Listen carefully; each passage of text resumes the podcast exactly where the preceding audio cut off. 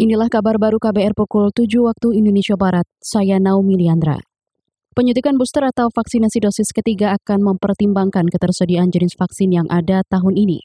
Menteri Kesehatan Budi Gunadi Sadikin mengatakan, jenis vaksin booster akan berbeda dengan ketersediaan vaksin tahun lalu. Pemerintah akan memberikan vaksinasi booster dengan mempertimbangkan ketersediaan vaksin yang ada di tahun ini. Karena jenisnya akan berbeda dengan ketersediaan vaksin di tahun lalu dan kita juga mempertimbangkan hasil riset yang dilakukan oleh peneliti-peneliti dalam negeri maupun luar negeri. Menteri Kesehatan Budi Gunadi Sadikin menambahkan, pemerintah memiliki vaksin yang berasal dari kontrak pengadaan vaksin tahun lalu. Selain itu, Indonesia juga memiliki tambahan ketersediaan vaksin donasi dunia lewat kerjasama COVAX dan bilateral. Lembaga Pemantau Ekonomi KOR menilai rencana pemerintah yang membentuk Badan Layanan Umum atau BLU untuk mengatasi krisis pasokan batubara dalam negeri tidak tepat. Menurut Direktur KOR Peter Abdullah, langkah itu berpotensi menggerus keuangan negara. Lewat skema Blue itu nantinya PLN akan membeli batubara mengikuti harga di pasar dunia.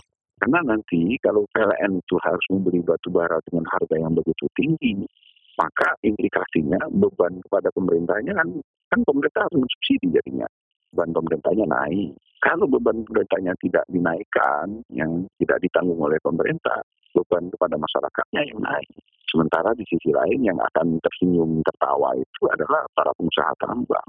Direktur Riset Lembaga Pemantau Ekonomi KOR Peter Abdullah menyebut selama ini produsen batubara telah mendapatkan keuntungan yang sangat besar dari perdagangan di tingkat global maupun domestik.